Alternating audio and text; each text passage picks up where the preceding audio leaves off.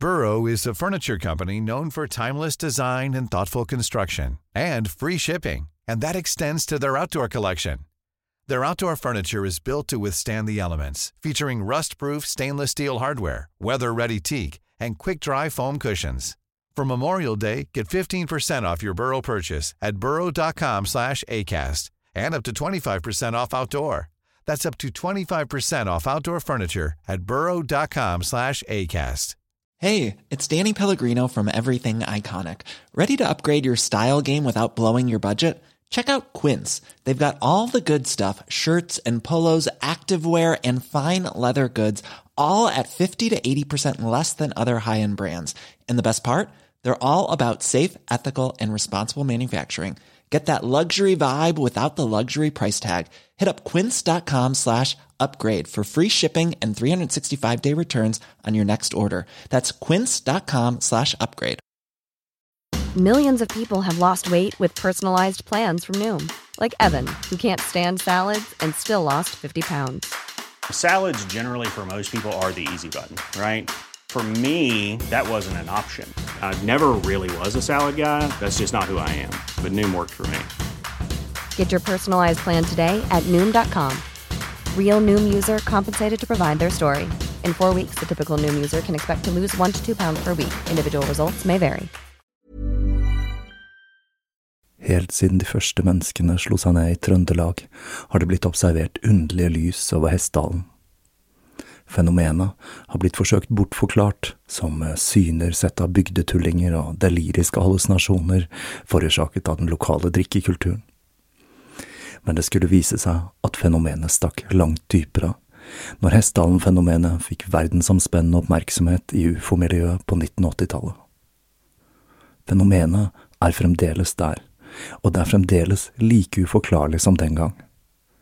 I 2024 kommer en podkastserie i seks deler, produsert av Project Hessdalen, som kanskje en gang for alle skal finne svar på hva som rører seg på himmelen i denne bortgjemte dalen i Trøndelag. Serien har som seg hør og bør fått tittelen A Blaze in the Northern Sky, og den kommer til din favorittpodkastavspiller i 2024.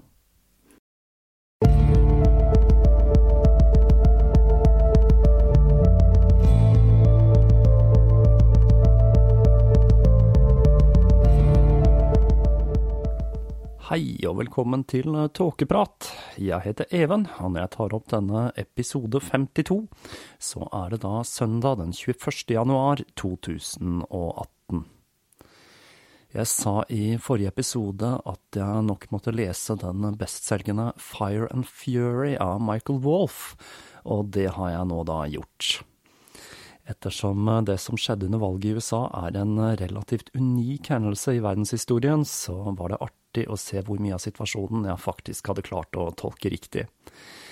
Og her må jeg da klappe meg selv litt på skulderen og si at jeg fikk bekreftet mange av mine mistanker om den sittende amerikanske presidenten.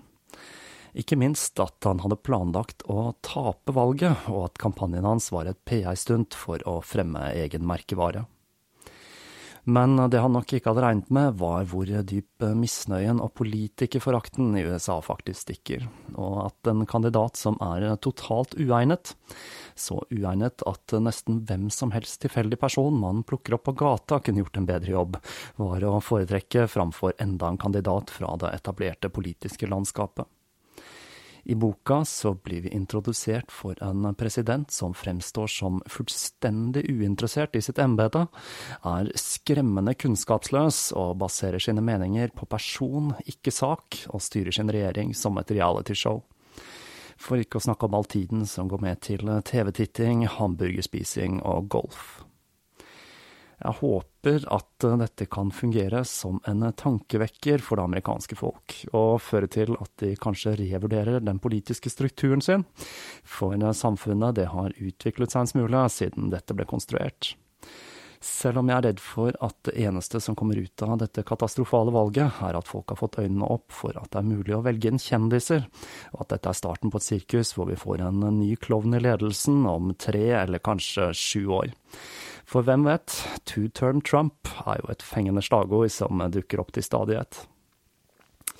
Så det var dagens anbefaling, altså. Om du er glad i amerikansk politikk og er ute etter en morsom og samtidig skremmende fortelling om et politisk system som har utspilt sin rolle, så kan denne boka anbefales. Dette er da kanskje noe vi burde tenke litt på her hjemme også, selv om vi heldigvis er et godt stykke unna hva de har klart å rote seg bort i over there, så kunne det kanskje ha vært greit å forsøke å omstrukturere det politiske styringssystemet på en måte som da er tilpasset hverdagen vi lever i. Uten at jeg har noen store meninger om hvordan dette skal gjøres, altså, det var bare et lite tankekors der. Jeg har sagt det før, og jeg sier det igjen, dette er da ikke en politisk podkast. Jeg er litt forundret over eh, hvor mange episoder av tåkeprat som utspiller seg i Frankrike. Et land jeg da selv aldri har hatt gleden av å besøke, og jeg begynner nesten å føle meg forpliktet til å ta en tur etter å ha gravd meg gjennom såpass mye av eh, fransk historie. For nå skal vi nemlig tilbake til landet som i disse dager forsøker å få sin bagett inn på Unescos verdensarvliste, men det er helt andre ting enn loff da som er tema i denne serien. Etter episodene om Margaret Murrays eh, alternative teori om europeisk heksetradisjon, så ble jeg nysgjerrig på historiene om disse franske heksene, som strengt talt høres ut som om de er sakset ut av en 70-talls fransk vampyrfilm. Og jeg begynte å grave litt i historien for å forsøke å finne opphavet til disse fortellingene. Og jeg fant på slutten av 1600-tallet så ble Frankrike rystet av en skandale som ville sette sine spor for all ettertid. Ryktet om at det fantes et miljø i Frankrikes underverden der giftmord, sataniske messer og barneofringer var en dagligdags affære, begynte å bre om seg. Og ryktene skulle ha det til at utbredelsen av dette fenomenet strakte seg helt opp til kongens hoff, og representerte en fare for livet til Ludvig den 14. Det er blitt skrevet mye om denne skandalen, som er kjent som l'affaire de Poisson, og denne hendelsen er da svært godt dokumentert. I denne serien skal jeg forsøke å tegne et bilde av hva som skjedde i denne skandalen, hvor flere høyerestående medlemmer av aristokratiet var involvert. Her blir det også en del utfordringer, ikke minst med språket. Jeg vil da på forhånd be om unnskyldning for min gebrokne fransk, og advare om at det kommer til å snike seg inn både anglifiseringer og rar uttale som vi får lyttere med inngående kjennskap til fransk til å rynke på nesen. For hva er egentlig hunnkjønnsformen til marki på norsk? Det må jo bli markise, det da, men det høres jo unektelig litt uh, snålt ut. Kjells markiser fikk plutselig en helt annen betydning nå. Vi kommer også til å støte på en del andre utfordringer, som det franske rettssystemet, valuta, her var det da en hel haug med typer, og ikke minst det politiske landskapet i og utenfor Frankrike. Jeg kommer til å forsøke å styre unna disse temaene, med mindre de ikke er tvingende nødvendige for å fortelle denne fortellingen. For å kunne fortelle denne historien, så er det viktig å først tegne et bilde av det franske samfunnet, og da spesielt adelsstanden i denne perioden. For dette var en periode hvor Frankrike var stolt av sin maktposisjon, Kongen, og med han rike, tok avstand fra tidligere tiders overtro og omfavnet en ny og moderne tid. Men under overflaten regjerte fremdeles frykten som hadde drevet hekseprosessene, og historien var i ferd med å gjenta seg selv.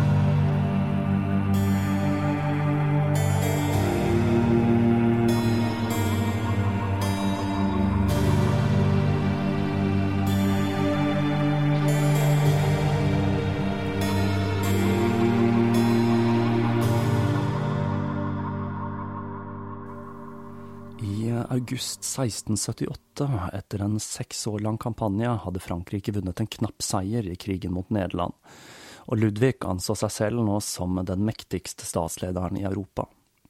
I tillegg til å ha den største hæren kontinentet hadde sett siden det romerske imperiets storhetstid, så blomstret kunst og litteratur. I tillegg til å etablere skoler i malerkunst og skulptur, delte kongen ut stipender til prominente kunstnere og forfattere, ikke bare i Frankrike, men også utenfor rikets grenser. Han var også svært opptatt av vitenskap, og at nasjonen skulle være et foregangsland når det gjaldt nye oppdagelser. I 1666 ble Le Académie de Sciences, eller Vitenskapsakademia, opprettet i Paris, støttet av finansene til kongen, og i 1667 begynte arbeidet med å bygge et observatorie som skulle sørge for nye oppdagelser innen astronomi og kartografi. Ludvigs entusiasme for vitenskap den kunne vi se da elefanten i dyrehagen i Versailles døde, og kongen selv ville vært til stede under obduksjonen for å studere dyrets anatomi. Ludvig anså gloire som alfa og omega for Frankrike. Et ord som omfatter både rykte og ære, og som er beslektet med det engelske ordet glory. Og dette fokuset på gloire gjorde at Frankrike stort sett var i krig under det meste av styret til Solkongen, da han anså krig som et verktøy for å oppnå ære og for å sette seg i respekt hos andre nasjoner. Denne jakten på prestisje gjorde seg også uttrykk i arkitektur, for er det noe vi forbinder med Solkongen, så er det nettopp enorme, påkostede og glorete slott. Han arvet en rekke slott og palasser som han gjorde store endringer på i løpet av sitt liv, og han bodde periodevis på de forskjellige eiendommene. Men hans virkelige lidenskap, og hvor han virkelig skulle ta av seg med sin storslåtte bygging, det var Versailles. Dette var egentlig jakthytten til hans far, men til tross for at landområdet var lite egnet til et slikt enormt anlegg, og det var utilstrekkelig med vanntilførsel til eiendommen, så bestemte Ludvig seg for å gjøre dette bygget til et av de mest vanvittige palassene i verden. Han fikk landskapsarkitekten André Lenotre til å bygge de enorme hageanleggene, som annet inkluderte en kanal som var stor nok til å seile en liten flåte med skip på, og installasjon av 1400 fontener i hagen. Det er klart man må ha såpass. I 1668 så begynte han å bygge ut hovedbygningen med enorme mengder med marmor og gull, samt vegg- og takmalerier. Her må vel nevnes eh, kongens gigantiske badekar, som var et oktagon skåret ut av et eneste stort stykke med marmor. Selv har jeg aldri vært i Versailles, noe jeg håper å få til en dag, men jeg har da vært i andre europeiske slott fra samme epoke, og glorete, det er de, men de kan vel neppe måle seg med Solkongens palass, verken i omfang eller glorethet. I 1678 flyttet kongen hovedsetet sitt til Versailles, og med avslutningen av krigen mot Nederland så kunne han pøse på med penger for å bygge ut palasset ytterligere. Når det sto ferdig i 1684, uttalte en kvinne ved hoffet at det var uten tvil det flotteste bygget i universet. Jeg ser at palasset med tilhørende områder i dag måler hele 8 8,2 kvadratkilometer, så det var nok plass å boltre seg på for Solkongen, hoffet hans og elefanten, da, selvsagt. Men det var et problem med dette gigantiske byggverket i all sin herlighet. Stikkordet her, det er vann og avløp. Det var nemlig ingen elv knyttet til eiendommen. Som nevnt så var egentlig ikke området egnet for et slikt monumentalt byggverk, og med det så ble Versailles kjent for sin dårlige luft. Mangelen på toalettfasiliteter gjorde at hoffet pisset og dreit i alle kriker og kroker, og lønngangene som ble brukt til å smugle elskere og elskerinner rundt i det gigantiske bygget, stinket som urinaler. Det ble sagt at det var umulig å forlate sine private gemakker uten å se folk som sto og gjorde fra seg på hjørnet. En historie som gjorde spesielt inntrykk på meg, var når Madame de Salot og de Tremouille under en teaterforestilling bæsjet i en eske, for så å kaste denne i orkestergraven da det luktet så vondt. Dette førte riktignok til at de to måtte forlate forestillingen, men det tegner jo også et bilde av hvordan tingenes tilstand var når det gjaldt toalettfasiliteter, og også hvor lite beskjedne folk var når det gjaldt å gjøre sitt fornødne, da. Det franske aristokratiet dreide seg om livet ved kongens hoff. Selv om de ikke hadde noen reell politisk makt, så var det muligheter til å få gifte seg inn i betydningsfulle familier, eller få betydningsfulle stillinger innen militæret, kirken eller hos kongen selv. Kongen belønnet også trofaste medlemmer av hoffet med penger og eiendommer. Utfordringen for adelen var altså å vinne kongens gunst og her var Ludvig den 14. rett og slett et geni. For selv om han visste at han på ingen måte hadde muligheten til å oppfylle alle ønskene til hoffet, så klarte han å få alle til å tro at nettopp du kunne bli den neste som fikk kongens oppmerksomhet. For for de aller fleste ved hoffet så var kostnadene med dette livet langt høyere enn hva de fikk igjen ved å kjempe om kongens oppmerksomhet. De var nødt til å bruke svimlende summer på klær, tjenere og vogner for å fremstå som presentable ved kongens hoff, og for å kunne troppe opp ved de mange ballene i siste mote. De fleste adelige var avhengig av inntekter fra landområdene de eide, og det var også disse landområdene som ga de titlene. Så mange satte seg selv i gjeld for å kunne ta del i aktivitetene ved Versailles. Dette var selvsagt også med på å øke konfliktene og knivingen om de få mulighetene som bød seg for å øke inntektene sine, enten det dreide seg om en stilling i kongens tjeneste eller andre muligheter til å skrape til seg litt penger for, for å kunne opprettholde fasaden. Det var få genuine vennskap på hoffet. Alt handlet om å klatre i det sosiale hierarkiet, og for det så gikk man over lik. På mange måter hadde livet ved Solkongens hoff paralleller til dagens reality-TV, eller til Trumps hvite hus, om du vil. Status var ekstremt viktig, og plasseringen i det sosiale hierarkiet hadde betydning for hvordan man ble oppfattet også utenfor Versailles. Og så var det etiketten og kutymen, da, for det å oppføre seg slik det var forventet, var essensielt for å klare seg ved kongens hoff.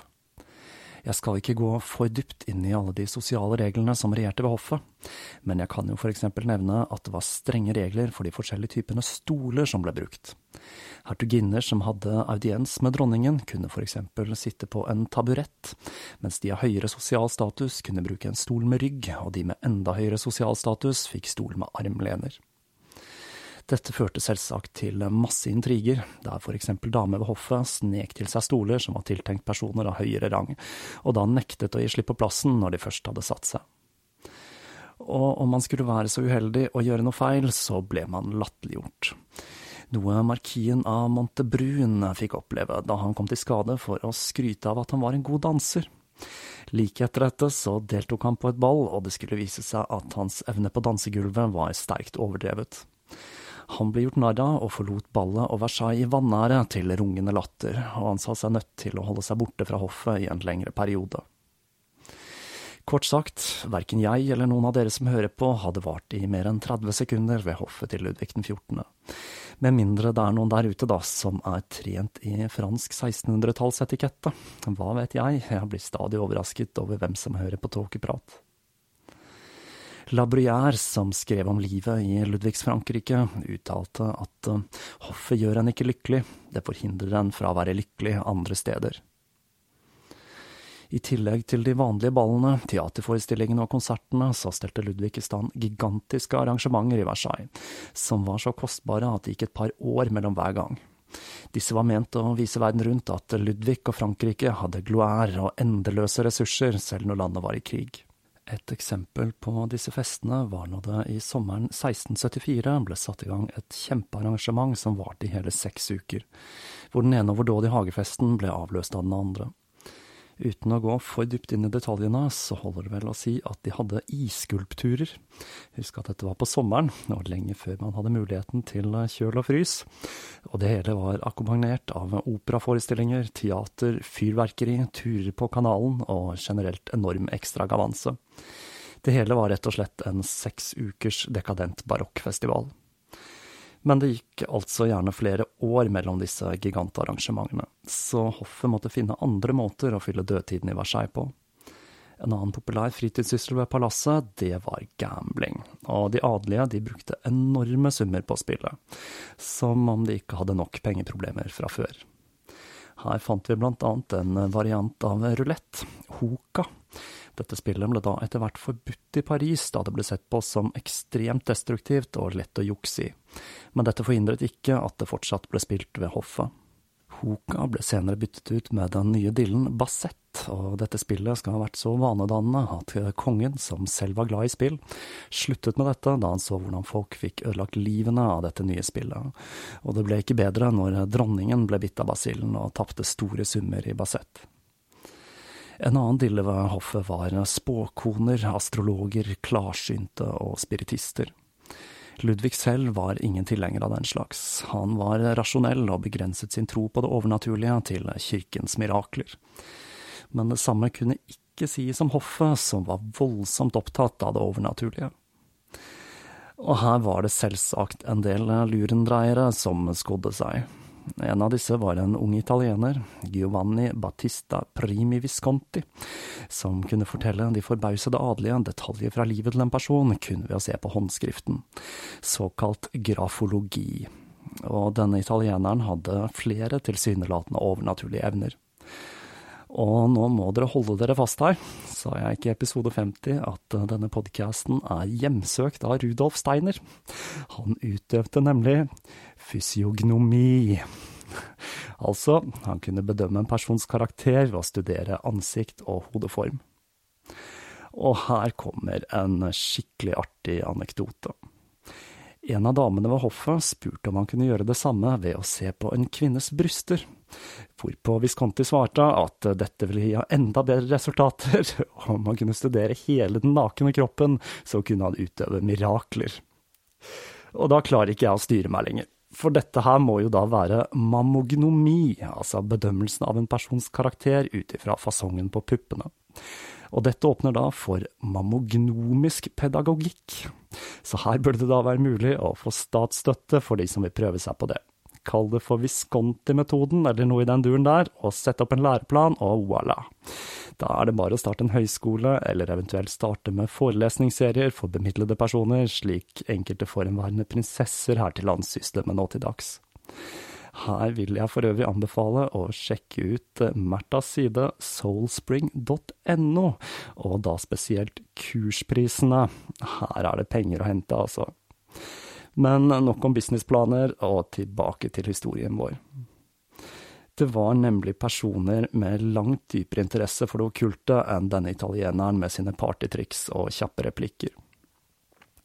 Visconti han ble fortalt av broren til grevinnen av Soissons at han hadde forsøkt å påkalle djevelen, men til tross for alle forsøkene og kostnadene forbundet med dette, så hadde Satan aldri tilfredsstilt nysgjerrigheten deres.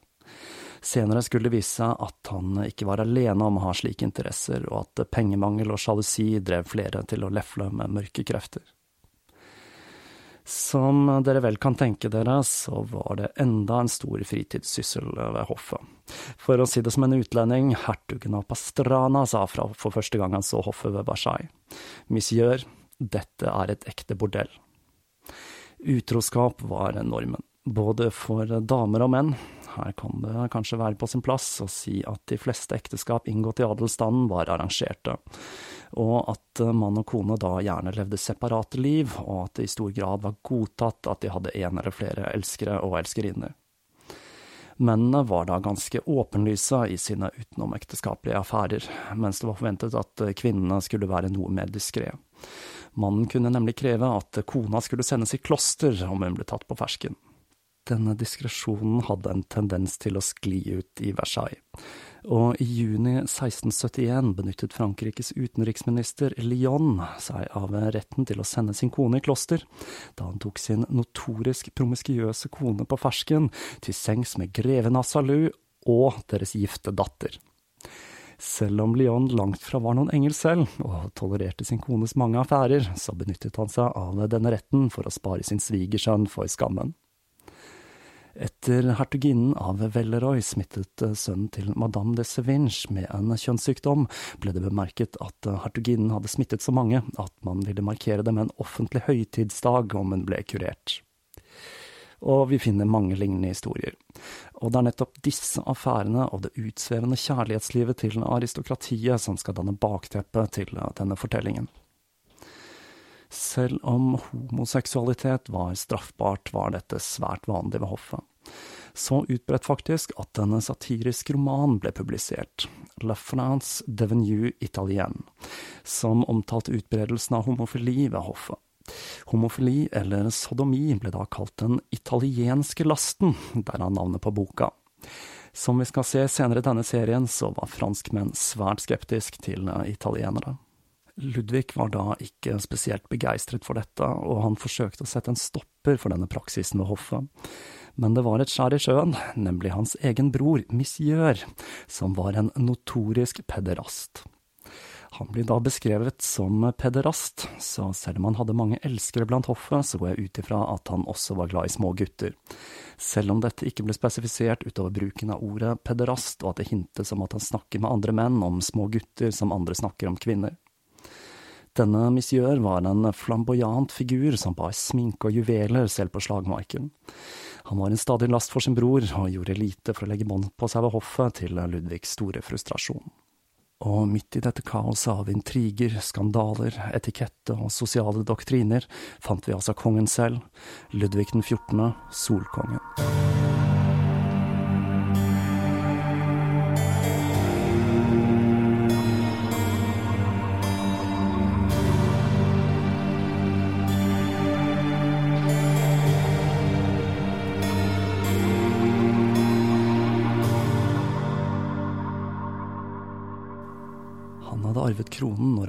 Var fire år gammel, og han kjente ingen annen tilværelse enn den som monark.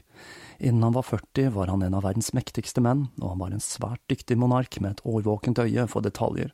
Han utstrålte en aura av selvsikkerhet og inspirerte alle rundt seg. Men av hans elskerinner og kone har det kommet fram at under den polerte fasaden så slet han med depresjon. Det var ensomt på toppen for Solkongen. Under krigen med Nederland begynte han å lide av en del psykosomatiske plager, søvnløshet, og han fikk da sporadisk anfall av en sykdom som ble topp mote blant hoffet, nemlig damp. Dette var en svært ullen diagnose som omfattet ting som hodepine, magesmerter og generelt illebefinnende. Legene hans foreskrev da brekkmiddel, årelating og klyster som en kur mot eh, denne dampen, og det kan vel tenkes at eh, kuren i dette tilfellet var med på å forverre tilstanden hans. Det ble også spekulert i om denne sykdommen kunne skyldes at han hadde fått tak i et av de mange afrodisikumene som var umåtelig populære i Frankrikes undergrunn, noe vi kommer tilbake igjen til senere. Det var flere ting som tynget Solkongen, for eh, i tillegg til politikk og de mange krigene, så var han under konstant oppsyn av hoffet. Når han sto opp om morgenen, når han var på do, når han spiste, når han skulle legge seg. Ludvig var svært bevisst at han levde hele livet sitt på utstilling, og skal ha vært ekstremt dyktig til å te seg kongelig ved alle tenkelige anledninger. Selv når han gikk på do, altså. Han var også svært bevisst på at eh, alt det han sa ville bli tolket, og han var eh, svært dyktig til å konversere og veide ordene sine tungt. I hans memoarer forteller han sin sønn om hvordan ord som for vanlige mennesker har liten eller ingen betydning, kan bli store og viktige i munnen til en prins, og at det derfor er svært viktig å lytte mer enn man prater. Han forteller. Lite skade er blitt voldet av å si for lite, men endeløs ulykke har kommet av å si for mye.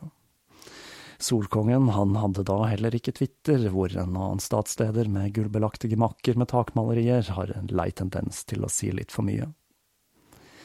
Kongen var også klar over at han måtte holde en viss avstand til hoffen for å bevare sin mystikk, og også fordi han visste av erfaring at om han lot noen komme for nære, så ville de forsøke å utnytte vennskapet. Men selv om kongen holdt sin distanse til intrigene i hoffet, så var han glad i sladder bak lukkede dører, og han brukte både sine elskerinner og vaktene ved palasset til å spionere og rapportere hva som foregikk. Denne spionasjen ble ikke holdt hemmelig, men ble brukt som en taktikk, slik at alle var klar over at kongen visste hva som foregikk, og oppførte seg deretter. Hoffets smisking med kongen kjente ingen grenser. Ved et tilfelle spurte han en ved hoffet når han ventet at hans gravide kone skulle føde, og svaret han fikk var når det behager Deres Majestet.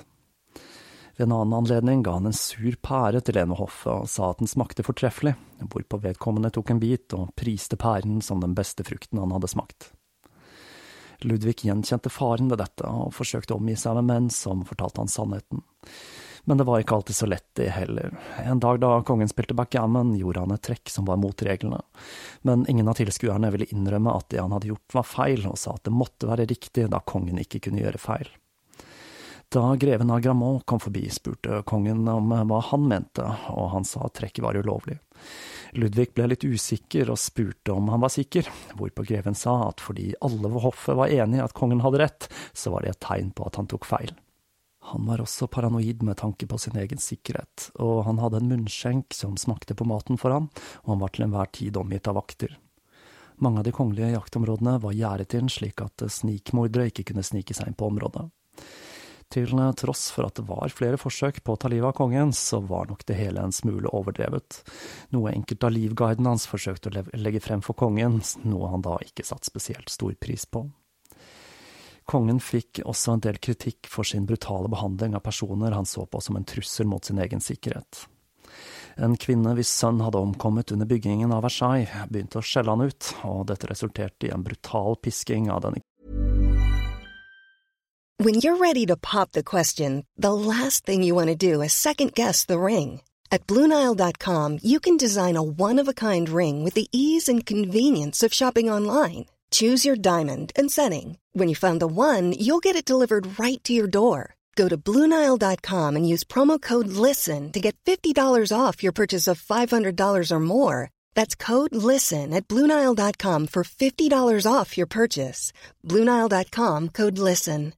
If you're looking for plump lips that last, you need to know about Juvederm Lip Fillers. With Juvederm Volbella XC and Juvederm Ultra XC, your lip look, whether it's subtle or bold, can last up to one full year with optimal treatment and no additional maintenance. Find a licensed specialist and see if it's right for you at juvederm.com today. That's J U V E D E R M.com. Add fullness to lips in adults over 21 with Juvederm Volbella XC or Juvederm Ultra XC. Do not use if you have severe allergies or a history of severe allergic reactions, or if you're allergic to lidocaine or the proteins used in Juvederm. Tell your doctor if you have a history of scarring or taking medicines that decrease the body's immune response or that can prolong bleeding. Common side effects include injection site redness, swelling, pain, tenderness, firmness, lumps, bumps, bruising, discoloration, or itching. As with all fillers, there's a rare risk of unintentional injection into a blood vessel, which can cause vision abnormalities, blindness, stroke, temporary scabs, or scarring. For full important safety information, visit juvederm.com.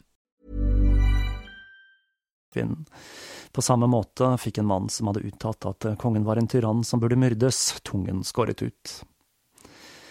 Forholdet mellom kongen og dronningen var aldri spesielt nært. Han hadde giftet seg med sin spanske dronning Marie Therese da han var 21 år gammel. Problemet var ikke så mye utseendet hennes, de fleste kunne enes om at hun var ganske pen, selv om hun da hadde en litt formløs figur og ikke så pene tenner. Det var ikke der skoen trykket. Problemet var at alle ved hoffet, inkludert kongen, syntes hun var kjedelig. Det hjalp heller ikke at hun snakket fransk med en tjukk spansk dialekt, noe som fikk de adelige til å rynke på nesen. Selv om hun nøt den respekten som fulgte med tittelen hennes, så følte hun seg utstøtt, og tilbrakte store deler av dagen i sitt private kapell i bønn, hvorfra det stadig kunne høres gråt og klaging. Men de personene som kjente dronningen personlig, kunne fortelle om en dame som var både intelligent og som hadde en god sans for humor, og man da bare lærte henne å kjenne. Hun skulle heller ikke strekke til som mor til Ludvigs barn, for av de seks barna hun fikk med han, så var det kun én, Dauphin, som vokste opp til voksen alder. Dauphin er jo et begrep vi har vært borti før her i Tåkeprat, det er da altså den franske kronprinsen. Det ble sagt at dronningens forbannelse var at hennes mann elsket alle kvinner, bortsett fra henne. For sexlivet til Ludvig, det var ikke bare bare. Her må det vel sies at eh, Ludvig blir eh, beskrevet som en kjekk mann som ville hatt draget på damene selv om han ikke hadde vært konge. Han skulle da blant annet ha hatt eh, spesielt vakre bein, blir det sagt. Her må jeg tegne et skille, fordi mye av denne historien kommer til å dreie seg om Ludvigs elskerinner. Og når det gjelder Solkongens elskerinner, så blir det feil å tenke på disse som utenomekteskapelige affærer. De hadde han nemlig plenty av i tillegg til elskerinnene. Gjennom deler av livet så hadde han seg med det som kunne krype og gå av damer ved hoffet og utenom, fra bondejenter og tjenestepiker til hertuginner og grevinner. Det å ha sex med kongen ble nemlig sett på som en stor ære, og familie og venner, og til og med ektemenn, støttet jentene som da var så heldige. Selv om dette langt fra alltid var tilfellet, da. Dette førte selvsagt til masse sjalusi og intriger blant damene som søkte solkongens gunst, eller brunst, da, om du vil. Elskerinnene til Ludvig, som vi straks skal ta en nærmere kikk på, hadde en helt annen sosial status.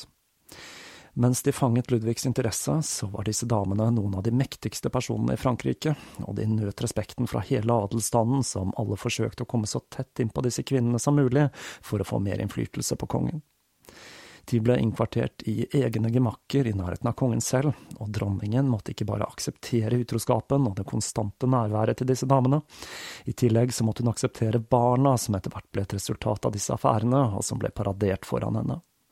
Ludvig var til tross for alt dette en svært religiøs mann, og enkelte modige prester minnet ham på at livet han levde var syndig.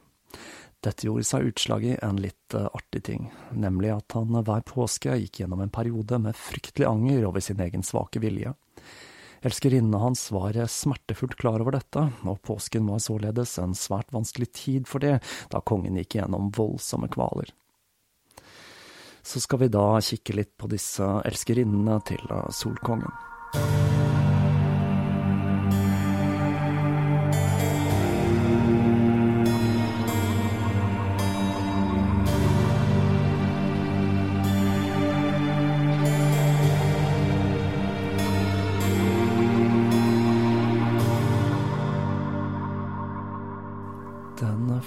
Affæren startet i 1661, når hans kone var gravid for første gang med den da 17-årige Louise de Vallière, kammerpiken til kona til hertugen av Orléans. Det hele hadde startet med litt eh, flørting, som en distraksjon fordi det var i ferd med å oppstå et forhold med hans svigersøster. Denne flørten utviklet seg etter hvert til et forhold. Louise hun var da veldig utypisk i forhold til det regjerende kvinneidealet i samtiden. For det første så var hun svært tynn, noe som var ufasjonabelt, og hun hadde en liten byste. Hun hadde også, i likhet med dronningen, dårlige tenner, og hun haltet litt på det ene beinet. Men hun blir da beskrevet som veldig pen, søt, høy og blond med blå øyne. Men det ble bemerket at hun verken fremsto som spesielt smart eller vittig. Allerede med Louise kommer det fram at det var egenskaper utover det kjønnslige som var avgjørende for å bli Ludvigs elskerinne, i hvert fall for en del av de. Louise hun var nemlig med kongen på jakt, og det ble sagt at det var på hesteryggen hun viste seg fra sin beste side. Det kan virke som om det var like mye selskap og konversasjon som gjorde henne tiltrekkende for kongen. Forholdet det startet diskré med hemmelige besøk, men etter hvert som dronningen ble klar over hva som foregikk, så ble det mer og mer åpenlyst. Og Louise hun begynte å delta på flere arrangementer og ble plassert på stadig bedre plasser og nærmere kongen under disse. Men når hun i 1666 var gravid med Ludvigs barn for fjerde gang, begynte Ludvig å bli lei av forholdet.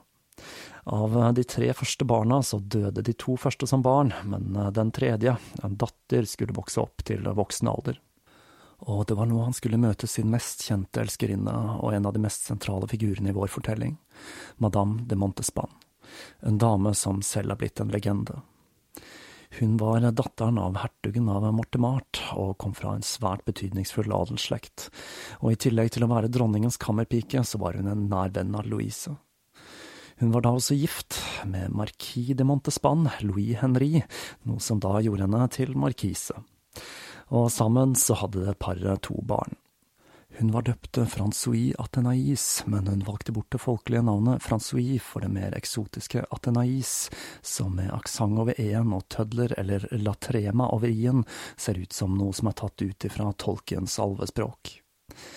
Athenais ble svært populær hos dronningen, fordi hun var svært underholdende, religiøs og dydig. Kildene spriker litt i forklaringen om når kongen begynte å fatte interesse for henne, men den første nedtegnelsen om flørtingen mellom de to fra samtiden antyder at denne startet i oktober 1666.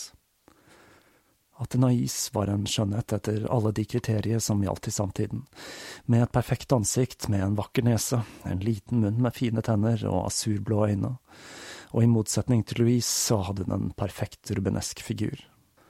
Men det var ikke bare utseendet som gjorde Athenais så eksepsjonell.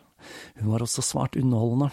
Hun var da ekstremt vittig når hun delte med sine to søsken, og uttalelsene og vitsene hennes kom så uforutsett at hun noen ganger selv ble overrasket over sin egen humor. Hallen i Versailles runget av latter hvor enn hun gikk, og hun ble svært populær med blant annet Ludvigs bror Monsieur, som stadig kunne se skapskrattene ved hennes side. Dessverre så finnes det få eksempler på denne humoren. Brevene hun skrev, de er svært formelle, og hun sa selv at hun foretrakk det spontane, muntlige språk fremfor det kjølige skrevede. Her er det også lett å tenke seg at denne humoren var ekstremt spisset mot samtiden og det franske språket, og nok ville vært svært vanskelig å gjengi på norsk. Men det vi vet, er at uh, denne humoren besto av raske replikker, ofte på bekostning av andre, og hun elsket å ta luften ut av oppblåste, pompøse adelige, og latter fulgte Madame de Montespan hvor enn hun dro. Hun skal også ha vært ekstremt god til å fortelle historier og til å parodiere personer ved hoffet og offentlige personer. Av hennes dårlige egenskaper må vel nevnes at hun kunne være ganske hissig, og at hun etter hvert begynte å drikke en del, noe som gjorde at raseriutbruddene hennes ble hyppigere. I det hele tatt, dette var litt av ei dame, og hun gjorde et uslettelig inntrykk på alle hun møtte. Mange så på humoren hennes med mistillit, og mente at hun ofte formet kongens mening med sine vittigheter. Ludvig var nemlig kjent for å være svært bastant, og når han først hadde fått noe for seg, så var det svært vanskelig å få han til å skifte mening. Dette førte til at enkelte ved hoffet kviet seg for å gå over gårdsplassen under balkongen hennes i Versailles, da de fryktet at Athenais gjorde narr av de for å underholde kongen. Forholdet skal ha startet for fullt høsten 1667. Sommeren det samme året så tok Ludvig med seg dronningen og noen av damene ved hoffet til Frankrikes nordfront for å se på hæren som var samlet for å invadere Flandern. Men da Louise ikke fikk være med, så forsto hun at forholdet til Ludvig var i ferd med å ta slutt. Da hun dukket opp uinvitert, så fikk hun en iskald mottagelse, ikke minst av madame de Montespan, som overøste henne med spydigheter, og sa at om hun hadde vært kongens elskerinne, så ville hun ikke ha ydmyket seg foran dronningen på den måten. Tilbake i Versailles begynte kongen å dra på nattlige visitter til sin nye elskerinne via en lønngang. Og selv om dronningen klagde på at Athenais var trøtt på dagtid, og at kongen sjelden kom til henne før etter klokken fire på natten, så var hun lykkelig uvitende om det nye forholdet. Og til tross for at dronningen mottok et anonymt brev der det sto at Athenais hadde blitt kongens nye elskerinne, så nektet hun å se fakta i øynene. Hun var rett og slett for betatt av Athenais. Og innen sannheten innhentet henne, så hadde hun ingen annen mulighet enn å akseptere forholdet. Like etter dette fødte Louise sitt fjerde barn med kongen, en sønn, og de tre damene og kongen ble ofte sett sammen på vognturer. Og bøndene undret seg over kongen som ble observert med hva som ble omtalt som de tre dronningene. I en periode delte til og med de to elskerinnene gemakker i Versailles. Det å være med Ludvig på disse vognturene var langt fra noen luksus. Uavhengig av vær, graviditet eller nedsatt helsetilstand var det forventet å sitte time etter time i vognen, iført korsett og hele den barokke habitten som var vanlig på den tiden, og det å gå på do, det var et ikke-tema. Forholdet mellom Athenais og Louise ble stadig mer anstrengt, og Louise var et offer for Montespans stadige hakking og vittigheter, og hun ble drevet lenger og lenger fra kongen. Etter hvert, når de to fikk separate rom i Versailles, måtte hun finne seg i at Athenais gikk gjennom rommet hennes når hun skulle ligge med kongen. Og det var enda en kilde til konflikt, nemlig mannen til madame de Montespan. Til å begynne med så hadde Ludvig følt seg trygg da han kjempet ved fronten i en krig mot Spania, men da han kom hjem igjen, så ble det bråk, skikkelig bråk. Han dukket opp ved hoffet og begynte å skjelle ut kongen, i tillegg til da å slå Athenais, noe som visstnok ikke skulle ha vært første gang. Det førte til at han ble sendt i eksil med forbud om å vise seg igjen i Paris. Men han fortsatte å ture fram, og erklærte sin kone for død, og understreket dette med å holde en liksom-begravelse for sin kone og kle barna deres i sørgeklær. Og siden han motsatte seg separasjon, og at Enais var blitt gravid med kongen, så ville han i teorien få omsorgsrett for barnet. Så når Athenais fødte sitt første barn med kongen som far i mars 1669, så ble dette smuglet i sikkerhet i all hemmelighet for å holde markien unna. For å gjøre en lang historie kort, i juli 1670 igangsatte Ludvig prosessen med å få i gang en separasjon mellom Athenais og mannen. Men dette var en prosess som skulle ta fire år, og det hjalp ikke at kongen gjorde det han kunne for å få fortgang i prosessen. Og selv om de til slutt ble separert, så var de fremdeles gift. Barna Athenais og kongen fikk, ble altså holdt skjult. Den første, en datter, døde i 1672, men hun fikk flere barn med han. En sønn i mars 1670, en sønn i 1672 og en datter i 1673. Og de trengte en barnepike. Og denne barnepiken, Madame de Maintenon, skal også være en viktig figur i vår fortelling. Hun kom fra fattige kår, hadde giftet seg med en mye eldre og invalid mann. Etter mannen døde, hadde hun klart å klatre i det sosiale hierarkiet i Paris, og det var på den måten hun hadde møtt madame de Montespan. Madame de Mantenon var svært intelligent, vittig og god til å konversere, og de to utviklet raskt et varmt og nært vennskap. Med sitt jordnære og skikkelige vesen anså Athenais madame de Maintenon som den perfekte barnepiken for hennes og Ludvigs barn. Det skulle senere vise seg at dette var største, en av de største tabbene i livet til madame de Montespan. Louise skulle ende sitt forhold til kongen og hoffet med å gå i kloster, og ikke et hvilket som helst kloster. Det fantes flere komfortable muligheter for damer som ønsket å trekke seg tilbake fra samfunnet, men Louise, som følte sitt syndige liv tynge, valgte en spesielt streng nonneorden, karmelittene, som var vegetarianere og som levde svært asketisk. Hun forlot hoffet i 1674 og skulle leve resten av sitt lange liv i askese og bønn.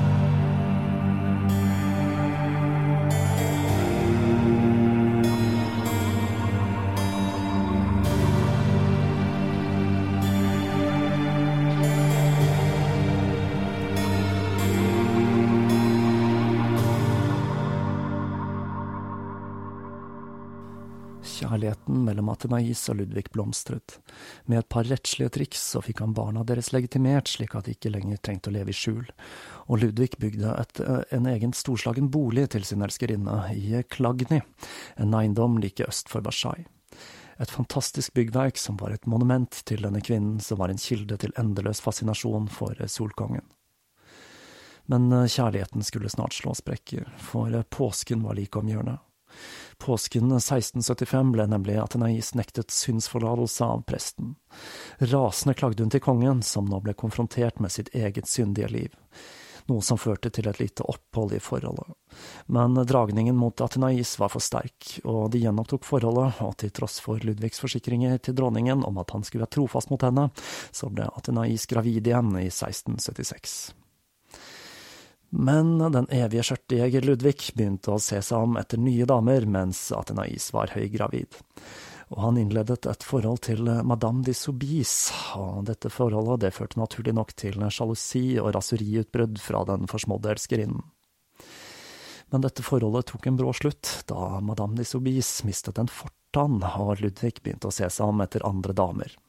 Han endte opp med Marie Isabel de Ludre, enda en av dronningens kammerpiker.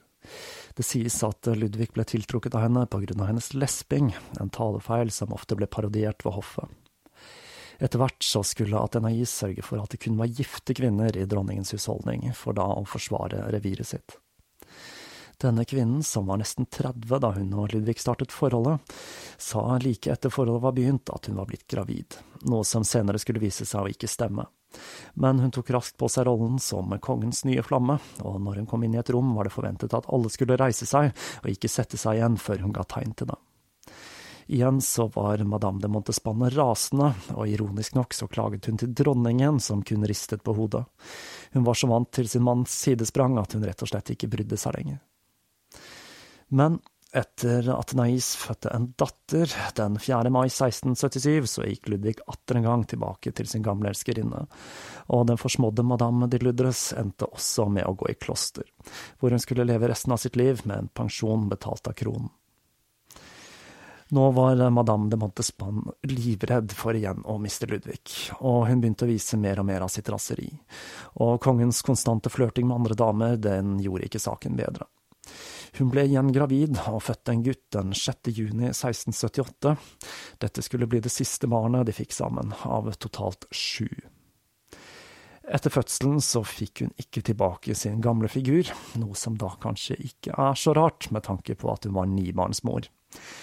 Hun forsøkte en rekke metoder for å komme i form, blant annet massasje med parfymerte pomader. Men dette drev da kongen, som var allergisk mot parfyme, enda lenger vekk, og de to skulle aldri mer være elskere etter dette. Så dukket en ny jente opp i Versailles, den 17-årige Marie Angelique de Scoraille, datter av greven av Rosilly, men hun gikk da under navnet Mademoiselle de Fontange. Dette skal ha vært den vakreste jenta som hadde vært sett i Versailles på årevis, med en perfekt kropp og utseende, og med et fantastisk jordbærblondt hår. Det var bare én feil med henne, som Abbe Kosi uttalte. Hun var vakker som en engel, men dum som et esel. Men dette stoppet ikke Ludvig, som forelsket seg hodestups i denne jenta, og hun ble hans nye elskerinne i 1679. Dette gikk madame Montespan hus forbi. Hun hadde nemlig blitt besatt av Bassett, og hun brukte enorme, og da mener jeg virkelig enorme summer på dette spillet. Vi snakker om summer som tilsvarer nesten 5% av det totale statsbudsjettet til den franske staten. Ludvig så mellom fingrene på dette en liten periode, fortapt i sin nye elskedes armer, men når ting begynte å gå for langt, så forbød han til slutt dette spillet i Versailles. Rivaleriet mellom de to kvinnene førte til en serie med krangler, og det endte med at kongen innsatte, innsatte Montespan som surintendante, eller sjef, da, i dronningens husholdning, som lønn for hennes tro tjeneste til kongen, og med dette så markerte han offisielt slutten på forholdet mellom de to. Han besøkte fremdeles sin tidligere elskerinne, men da alltid følge med andre for å unngå ubehageligheter. Forholdet mellom kongen og mademoiselle de Fontange var lidenskapelig, og han fikk installert et eget rom til henne over sitt eget, med en hemmelig gang mellom de to. Men til tross for den enorme fysiske tiltrekningen, så var han også flau over intellektet til sin nye elskerinne, og han skammet seg over henne når hun snakket i forsamlinger. I 1680 hadde de Fontange en spontanabort som fikk alvorlige konsekvenser. Hun ble kronisk syk etter denne aborten, og til tross for sporadiske bedringer så ville hun være sykelig resten av livet, og kunne ikke lenger tilfredsstille Ludvig seksuelt. Og forholdet mellom de to tok sakte, men sikkert slutt. Fontange hevdet at hun var blitt forgiftet, og at det var dette som hadde framprovosert aborten og gjort henne syk. Den siste i rekken av elskerinner, og en som skulle markere et skille i kjærlighetslivet til solkongen, var barnepiken Madame de Maintenon. Denne kvinnen, som var eldre enn kongen, og som hadde vært en del av husholdningen siden hun ble ansatt av madame de Montespan, hadde sakte, men sikkert blitt hans nære venn, og de to ble observert i lange samtaler sammen. Kongen var svært avslappet sammen med denne kvinnen, som etter hvert han hadde utviklet et nært forhold til, og de to ble elskere mest sannsynlig i 1680. Med dette forholdet begynte kongen også å vise dronningen og sønnen de hadde sammen, mer oppmerksomhet. Brevene Maintenon skrev i denne perioden, indikerer at denne svært religiøse kvinnen så på det som sin oppgave å lede Ludvig på den rette vei, og det kan tyde på at hun faktisk lyktes med akkurat dette, og det med det eneste språket kongen forsto, sex. Jeg trenger vel ikke å si at eh, madame de Montespan ikke var spesielt begeistret for at kvinnen hun hadde løftet ut av fattigdom, og som hadde tatt seg av barna hennes, nå hadde funnet veien til kongens seng. Den 17. juli 1676 ble en liten kvinne i midten av 40-årene ført gjennom en enorm menneskemengde på mer enn 100 000 mot rettestedet på Place de Greve. Selv om hun skulle halshugges, så bar hun en renneløkke rundt halsen som et symbol på at hun var dødsdømt. Denne kvinnen, som var sagt å ha levd et liv fylt av synd og incest, var dømt til døden for å ha forgiftet sin far og sine to brødre. Hun skulle også ha forsøkt å forgifte sin mann og datter, i tillegg til å ha forsøkt å myrde sin søster og svigersøster. Det ble sagt at hun hadde oppsøkt fattige på fattighuset med påskudd om å skulle gi dem mat, men det hun egentlig drev med, var å teste ut effektiviteten til ulike typer gift hun planla å myrde familien sin med. Skandalen vakte ikke bare oppsikt fordi mordvåpenet var gift, som var fryktet langt mer enn andre drapsvåpen, men kvinnen som ble ført gjennom folkemengden var madame de Brinvilliers. Hun var av adelsslekt og var tilknyttet noen av de mest innflytelsesrike menneskene i Frankrike. Dette markerte starten på hva som skulle utvikle seg til å bli l'affaire de Poisson.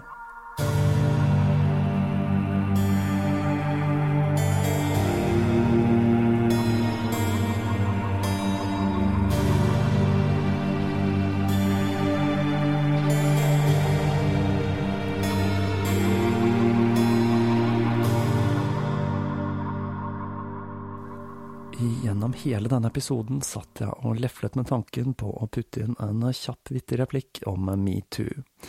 Men er det noe jeg har lært av denne podkasten, så er det at ikke alle har de samme referansepunktene som meg selv, og med et stadig voksende publikum så forsøker jeg å uttrykke meg så klart som mulig for å unngå å bli misforstått. Så jeg bestemte meg da heller for å komme med mine refleksjoner over hva som i den senere tid har utviklet seg til å bli en opprenskning av ukultur i vår del av verden. Det er vel litt vanskelig å sette fingeren på hva som dro i gang det som startet som en litt ullen hashtag-bevegelse på Twitter, men det er nærliggende å tro at eh, en av de tingene som igangsatte det hele, var avsløringen av Bill Cosby. Det skulle etter hvert vise seg at den familievennlige komikeren, som jeg selv husker fra The Cosby Show, og som var kjent for sin harde linje mot andre svarte komikere som bannet eller tok for seg upassende tema, er en av de verste serievoldtektsmennene i underholdningsbransjen. Med stadig nye avsløringer om neddoping og voldtekt av kvinner, som da møtte sitt store idol for første gang, ble vi introdusert for en mørk side av denne kjente og kjære figuren som vokste seg stadig større med hver historie som kom frem. Som fortellingene om at han krevde ting som at folk skulle se på når han spiste, og at han forventet å bli lagt som et lite barn om kvelden, tegnet et helt nytt bilde av denne mannen som en gang var kjent for sine artige strikkegensere. Med denne skandalen fulgte andre store personligheter i Hollywood og underholdningsbransjen som perler på en snor, og figurer som Harvey Weinstein og senere Kevin Spacey ble dratt frem i lyset, og kanskje mest skuffende av alt, Louis C.K.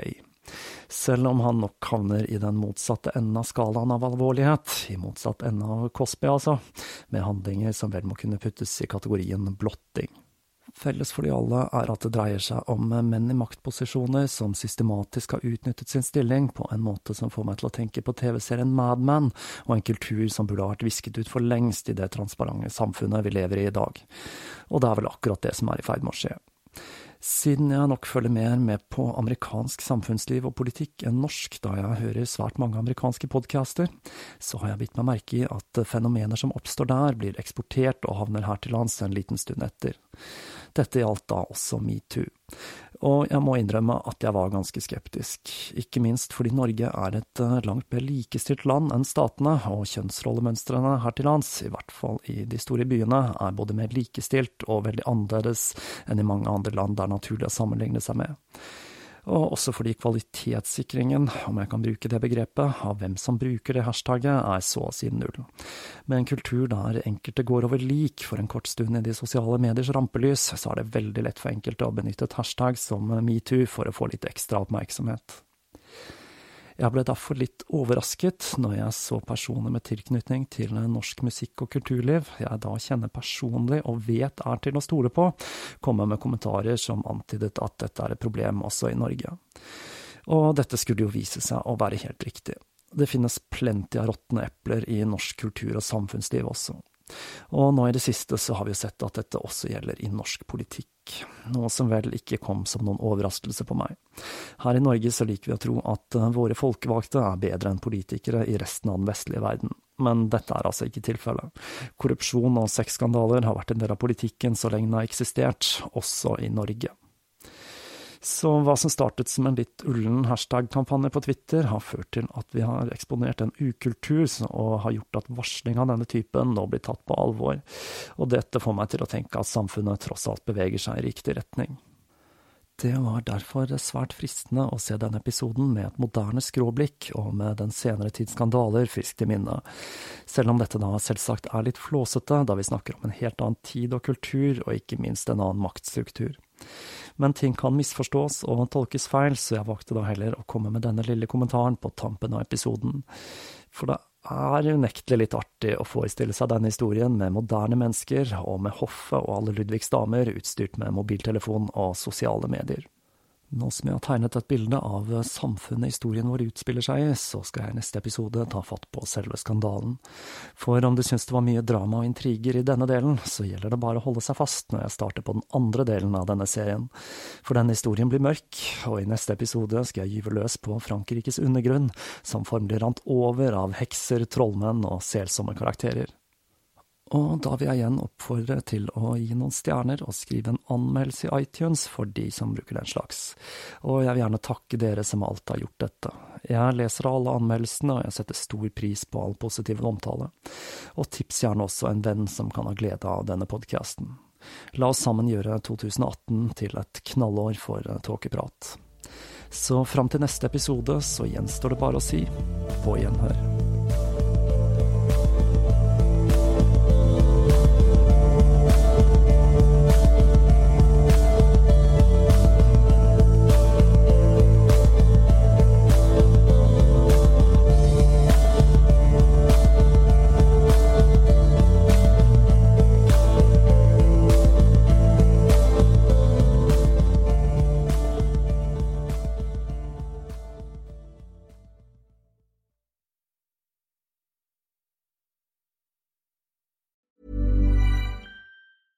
Cool fact a crocodile can't stick out its tongue. Also, you can get health insurance for a month or just under a year in some states. United Healthcare short term insurance plans, underwritten by Golden Rule Insurance Company, offer flexible, budget friendly coverage for you. Learn more at uh1.com. Even on a budget, quality is non negotiable. That's why Quince is the place to score high end essentials at 50 to 80% less than similar brands. Get your hands on buttery soft cashmere sweaters from just 60 bucks, Italian leather jackets, and so much more. And the best part about Quince, they exclusively partner with factories committed to safe, ethical and responsible manufacturing. Elevate your style without the elevated price tag with Quince. Go to quince.com/upgrade for free shipping and 365-day returns. Even when we're on a budget, we still deserve nice things.